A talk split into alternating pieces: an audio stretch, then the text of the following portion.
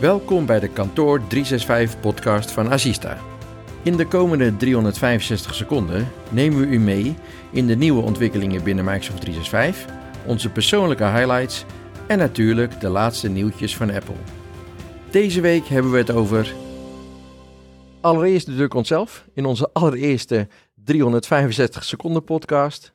Dan ons 365 blok met Teams, want dat gaat Zoom achterna. En het favoriete onderwerp van mezelf, Apple. Het heeft al twee problemen. Eén keer met Facebook, één keer met Epic. En alsof het niet genoeg is, trekken ze nu ook Microsoft mee in het schuitje. Maar de highlights. Rick, wat zijn jouw highlights voor deze week? Ik uh, zag een mooi artikel staan op Tweakers over de uh, One Pass extension uh, met die nu een dark mode heeft en die beter overweg kan met de Windows Hello. Dat vond ik een mooi stuk. Ik gebruik zelf die plugin exact niet. ik wel. Ja, ik, en daarom, dat is een van de redenen dat ik hem aan, aanstipte. Tuurlijk. wij, wij gebruiken het, Mr. Geel en ik, zowel gebruiken de, de gewone, de Classic extension heet hij nu tegenwoordig, die koppelt met de lokale installatie van OnePassword. Die uiteraard al lang beschikt over een dark mode. Maar nu kun jij op je Apple-apparaat ook vooruit. Ja, zeker. Eindelijk dark mode ook voor mij. Uh, Windows Hello functionaliteit ook, daar zal jij op je Apple weinig aan hebben. Maar dat is voor ons dan wel weer fijn dat ik voortaan ook met mijn vingerafdruk mijn ja. password kan inloggen. De classic versie. Hap, jullie, maar. jullie gaan eindelijk achter een beetje achter Apple aan. Uh, gun het jullie. ja, ja, dat, dat, nou, dat is ook nog een hele discussie die we in de volgende podcast aan kunnen stippen. De password manager van uh, OnePassword die versus die van Apple. Ja. Um, en het, het, grappige is dat, uh, dat is een van de redenen waarom die ook weer naar boven kwam. Uh, ik had vervolgens een klant aan de lijn die, uh, waar ik even bezig was in de bedrijfsportal van Windows. die uiteraard een Windows Default Light Mode had. En terwijl we aan het wachten waren op installatie, zette ik hem op Dark Mode. En hij vond het verschrikkelijk. Hij zegt dat Dark Mode kan er maar niet aan wennen. Ja. Terwijl ik, hoe meer dark, hoe beter. Ja, mooi hè. Dat is een, een mooie ervaring. Um, als tweede had ik Shadow wordt flink duurder. Nou. Um, wij hebben natuurlijk al sinds jaar en dag, volgens mij zitten wij in die beta van Shadow voor iets van 12 euro. Ik, ik weet niet of dat nog steeds is. Uh, maar hij is inmiddels, als je een nieuw abonnement aansluit, ja. is die 30 euro per maand. Ja, en hij gaat ook voor mij naar 30 euro. Ja, oh, Oké, okay, nou dan hebben die En die ook... krijgt er bijna niks bij. Je krijgt er niks bij. Het, het werkt overigens, ik vind de, de, de, opzet en het concept is echt prima. Het, ja. uh, het is echt heel goed vertoeven op een, op een Shadow machine. Vooral het, het grootste voordeel wat je tegenover een GeForce Now of wat dan ook hebt, is uh, het feit dat het gewoon een Windows PC is waar je je eigen games op kan installeren. Ja. Je eigen Steam library, je eigen Uplay library. Um, in, in plaats van dat je vastzit aan, aan games of applicaties die de, die de publisher of in dit geval dan een, een GeForce bijvoorbeeld uh, vrij heeft gegeven. Um, maar voor 30 euro in de maand weet ik niet of het dan wel echt de moeite waard is. Ik gebruikte hem uh, op mijn Mac, dat ik toch een beetje Windows had op mijn Mac. Dat ik toch een beetje Excel voor Windows kon draaien op mijn Shadow. Ik ja, niet op te gamen. Wat, wat veel mensen ook doen is hem inderdaad gebruiken voor een, een Photoshop bijvoorbeeld. Als jij een uh, huistuin keuken PC'tje hebt, dat je ja. toch thuis gewoon die enkele keer even kan photoshoppen. En een vette machine hebt, ja. En gewoon een dikke machine hebt waar, waar het wel soepel oploopt. En dat schijnt ook echt heel goed te werken, geen delays of wat dan ook. Um, en dan kun je dus inderdaad gewoon met een pc'tje van, of een laptopje van 200 piek, kun je toch gewoon met Photoshop aan de gang. En eventueel dan ook nog gamen, als je, als je dat zou willen. Ja, ja. Nou, het wordt duurder. We gaan nog nadenken of we ons abonnementje door laten lopen. Of ja, er waren veel reacties dat mensen gingen opzeggen. Ja. Dus de, de, vraag is ook, het gaat niet heel goed met Blade volgens mij. Um, dus nee, de vraag is even of, of dit... dacht ik. Ze zijn overgenomen en, en de vraag is, ze willen hiermee eigenlijk gaan redden. En ze hebben wel wat investeringen gehad, maar dat was niet genoeg. Dus ze gaan nu de prijzen verhogen. Maar de reacties die ik links en rechts las, is dat mensen dan toch maar gaan opzeggen. Omdat, ja, 12 euro is leuk, maar 30 euro niet meer. Nee. Dus ik weet niet of het dat, uh, dat gaat opleveren. Ik snap het. En we moeten wel door met de tijd, Rick. 365 seconden. Sorry, 365 digest. Die zijn niet alleen voor jou, hè, die 365 ja, sowieso wel. Um, drie puntjes die ik vandaag in de digest vond, of deze week. Uh, Internet Explorer 11, er is eindelijk een end date. Uh, 15 juni 2022, dan, yes. uh, dan is het echt einde verhaal voor deze compatibility tool. Ja. Het is al niet eens meer een browser. Um, wat daar ook nog in die digest stond, is een stukje voor de Teams Live Event. Iets waar wij misschien ooit nog eens iets gaan gaan hebben als wij... Een, in deze ruimte. Een even, in, onze... in onze podcastruimte. Of in onze studio. Studio Assista, hè? Ja. Ja, uh, is dat je nu inderdaad een tweede scherm hebt als je gaat uh, presenteren. Uh, in plaats van dat het in je eigen standaard teamscherm moet. Ja, heel gaaf. Um, en dat, dat, dat komt eraan. Er is nog geen exacte tijd, maar het, het, het gaat eraan komen. Het, eind mei zou, het, zou het gebeuren. Het is nu een tijdje opgeschoven, maar dat lijkt me een mooie ontwikkeling. Ja, zeker. Dat waren mijn puntjes voor deze week. Nou, Gijaan, wat heb jij staan voor deze week? wat zijn jouw highlights? Mijn twee highlights zijn in principe eentje over het Risk 5 platform. Ik zag voorbij komen dat Sci5 nu gaat beginnen met een leveringen van de Mini-ITX ontwikkelborden. Wat is RISC-V? Vertel RISC-V is een nieuwe instructieset, uh, zoals ARM, zoals x86, ah, okay. uh, maar volledig open source. Dus oh, dit stoer. is voor iedereen gewoon toegankelijk, kan iedereen mee aan de gang. en geeft geen kosten. En Want wie waarschijnlijk gebruiken het al? eh, momenteel gebruikt er nog niemand. Eh, er zijn Oh. wel meerdere ehm, bedrijven die al wel hebben uitgesproken dat ze ermee aan de gang gaan. Ik, het grootste voordeel dat ik vind is eigenlijk dat het weer nu open source is. Iedereen kan erbij en dat is voornamelijk interessanter aangezien het ARM NVIDIA heeft overgenomen. En we dus ook eh, moeten kijken wat daar gaat gebeuren. Want NVIDIA is nou niet echt bepaald bekend voor hun open source ARM ook niet. vriendelijkheid. En de tweede die ik heb gezien eh, voorbij komen is dat eh, Qualcomm DevKits gaat leveren nu op ARM met Windows.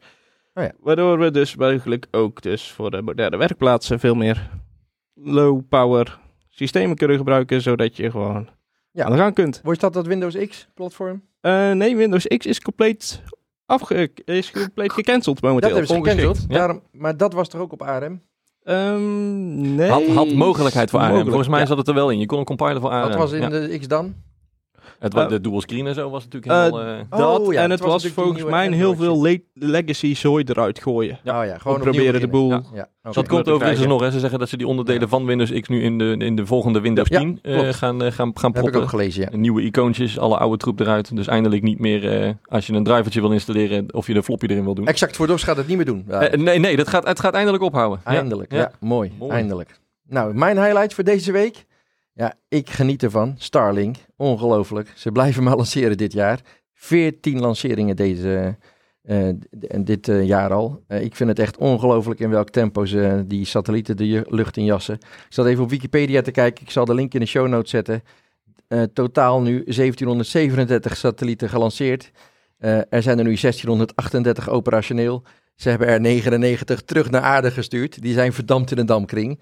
Ik vind het echt lijpe shit hoe die gast, eh, eh, eh, hoe Elon Musk aan het, aan het douwen is om dat systeem de lucht in te krijgen. En jullie weten het, ik heb een abonnementje genomen. Hè? Jazeker. Zo- zodra die satelliet hier binnen is, hebben we hier internet out of space, jongens. Een schotel op het dak. Ik wil even Assista Online noemen, ons platform. Deze week hebben we de eerste stapjes gezet. Onze eerste klant heeft zijn eh ouderwetse, niet meer in productie zijnde Unit 4 applicaties in gebruik. Ehm, Unit voor Audition, Unit voor Business Suite, Unit voor Multiverse en Unit voor FDS. Allemaal al draaiend op ons eh, Assista Online platform. Oftewel, te benaderen vanaf elke werkplek. Geen Citrix, geen RDP, maar gewoon in de browser al je oude meuk kunnen benaderen. Eh, echt een waanzinnig gave oplossing. Ik wil Formule 1 noemen. Max, eh, eindelijk op één. Hoe cool is dat? Wij zitten hier eh, elke wedstrijd bijna te kijken hier op kantoor. 28 schermen aanstaan. Ja. Volledig live. We zitten er helemaal in. En hoe gaaf is het dat hij nu gewoon op één staat. Foto maken en bewaren Ja. want, en vereeuwigen. Want ja, misschien gebeurt het nooit meer. Deze kan op de koelkast inderdaad. Ik ben, ik ben benieuwd hoe lang die het vol gaat houden. Ja, en eh, ik vind dat we hier in de studio zitten. En natuurlijk een hele gave eerste opzet voor onze podcast. Er zijn al veel video-opnames gemaakt, maar nu onze eerste audio-opname. Ja. Dus ook dat helemaal te gek. We zitten al ver over de 365 seconden heen, maar we gaan, we gaan nog even door, want ik wil nog meer vertellen. Ehm, in het eh, Office 365 blok, waar we het nu over hebben, ehm, Teams gaat Zoom achterna. Ik zei het al even in de, eh, in de, in de beginwoorden. Ehm, eh, je kunt eh, net als in Zoom nu ook bij Teams deel gaan nemen met alleen een code. Je hebt niet meer de link nodig om te vergaderen. Met een eh tiencijferige code en een wachtwoord kun je eh, mensen deel laten nemen aan een eh Eh, wat er ook allemaal nog aankomt, het is nog niet live, maar het komt in de komende maanden wordt het eh, uitgerold. Je kan meer sturen hoe de Teams-vergadering wordt opgezet. Ehm, je kan bezoekers automatisch binnenlaten, dus die lobbyfunctie die eh, kun je uit laten schakelen per vergadering, waardoor eh, gasten al met elkaar kunnen praten zonder dat de host er is.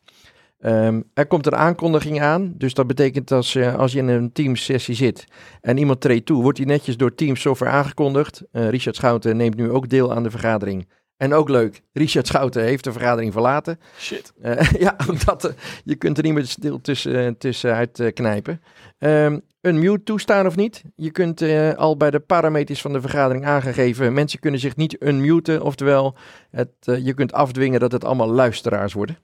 Ehm, je kunt zelfs instellen dat de vergadering automatisch wordt opgenomen. Soms denk je, ik ga die sessie opnemen. En dan kom je erachter dat die... dat je die eh, vergadering bent vergeten op te nemen. Dus dat is eh, altijd handig dat je dat eh, Van tevoren aan kan van zetten. aan kan Ja. zetten. En zelfs chats toestaan of juist weigeren in de vergadering. Ja, kun je echt helemaal uitschakelen. Helemaal alleen- Alleen maar uitschakelen. luistermodus. Ja, dan wordt het dus bijna die webinar of Ja. functie waar jij het net over had. Ehm, er komt een Kahoot-achtige oplossing. Je kunt nu Microsoft Forms maken en daar het antwoord in aangeven. Hm. Sorry. Er komt een Kahoot-achtige oplossing. Dus je kunt een eh, Microsoft Form maken, aangeven dit is het goede antwoord. En die eh, kun je afspelen in je teamsessie, waardoor er een soort eh, game, gamification in je teams mogelijk is. Ehm, Gamification of gewoon een standaard checklisten. Heb, heb je wel goed opgelet tijdens deze meeting Ja, die ja, we aan het hebben gehad? eind, Even een vragenlijst invullen. Ehm, Microsoft Lists, wij gebruiken dat voor onze hardware. Hè, eh, om bij te houden welke hardware is ingekocht, waar is die ingekocht, op welke factuur is die ingekocht, zit er nog garantie op, waar is die laptop naartoe gegaan, is die verhuurd, verkocht of wat dan ook. Ehm, deze kun je nu ook combineren in je Power BI. Eh, eh, ook een mooie, mooie optie. En tot slot, functie die eraan komt, is eh, eh, een Power BI in Teams. Wordt natuurlijk heel veel gebruikt, hè, mensen. Een Power BI starten in Teams. Maar je kan nu ook zelfs Power BI Web aanzetten vanuit Teams. Eh, het blokje Apple, ook belangrijk. Ja. Eigenlijk het doel waar, waar ik hiervoor zit. Hoort er een beetje bij voor jou? Eh, de rechtszaak, Apple en Epic. Wat vinden jullie ervan? Wat gebeurt er? Het gaat over, eh, mag Apple 30% rekenen op eh, revenues van iets waar ze niks voor hoeven te doen? Apple zegt, wij doen er heel veel voor. We houden die, sh- die shop in de lucht. Wij zorgen dat die veilig is. Epic zegt, amahula, ik wil die 30% zelf houden. Daar heb je geen recht op. Nou ja, Apple heeft natuurlijk wel een punt. Wij houden de shop in de lucht. Dat kost data, dat kost resources, dat kost manpower. Mhm. Ehm, maar wat Apple zou moeten doen, wat mij betreft, en ik denk dat geen het daarmee eens is met zijn, eh, ehm, zijn, artikeltje ook over het, eh, het open source ontwikkelen op RISC 5. Open source. Gooi Ja. die shit open. Meerdere webshops. Als Apple het dan niet wil doen, als Apple die 30% wil, is prima. Krijg je de Apple Store. Maar eh, je hebt het nieuws gelezen hè, deze week over de Android Store. Met een appje, sideloaden van de DHL-app. Vol met Ja, maar- virussen. Oh ja, maar dan is het wel risico voor de gebruiker. Ja, Risico voor de gebruik. gebruiker. Ja, Maar Ja. je belast wel eh, al je collega's en of Ja. familie en vrienden ermee. maar dat is niet Apple schuld of Android schuld. Maar Apple wil die shit niet op zijn naam hebben. nee, nee, dat, dat klopt. En, en, en dan maak je dus een keuze. Ja. Ehm, dus ik, ik zou dan ook eigenlijk hopen dat Epic sowieso voet bij stuk gaat houden. Dan blijven we weg. Ja, ja, Als, ga- eh, als je ons niet wil, als jij 30% wil hebben, dat willen wij niet. Dan gaan we het gewoon niet doen. ja, precies. En ik, ik- Apple is goed recht, toch? App- App- zeker, Apple is goed recht. Ja. Apple maakt die toestel, Apple mag daar eigen beheer over hebben. Ja, Mag. App- eh, en de laatste ontwikkeling is dat Apple zegt... Eigenlijk is dit niet een rechtszaak van Epic tegen Apple... maar het is een rechtszaak van Microsoft tegen Apple. Alleen Microsoft durft de, rechtszaak zelf niet aan te spannen... omdat Apple dan kan eisen dat de documenten van Microsoft op tafel moeten komen... En de, eh, daar heeft Microsoft weer geen zin in. Dus die hebben gezegd: Epic, wil jij deze rechtszaak aanspannen? Dan kunnen wij onze eh, boeken gesloten houden. Zijn wij geen onderdeel van het proces. Want eh, Apple verdenkt dat Microsoft eigenlijk de, hetzelfde probleem met de Apple Store heeft als, Apple, eh, als Epic. Dat is een Ah. beetje wat Apple beweert. Wat voor betaalde apps heeft Microsoft in de App Store dan? Nou, die willen dan natuurlijk ook een eh, Office abonnement via de App Store aan kunnen gaan bieden. Right. Zonder dat Apple daar geld over eh, heeft. Ja, zonder Ja. dat inderdaad het abonnement Want dus ook- duurder zou zijn want- op Apple. Ja, als ja. dat je Want ook Microsoft is natuurlijk een abonnementsleverancier Ja, geworden. ja. En er gaat nog veel meer geld in om dan een heel Epic.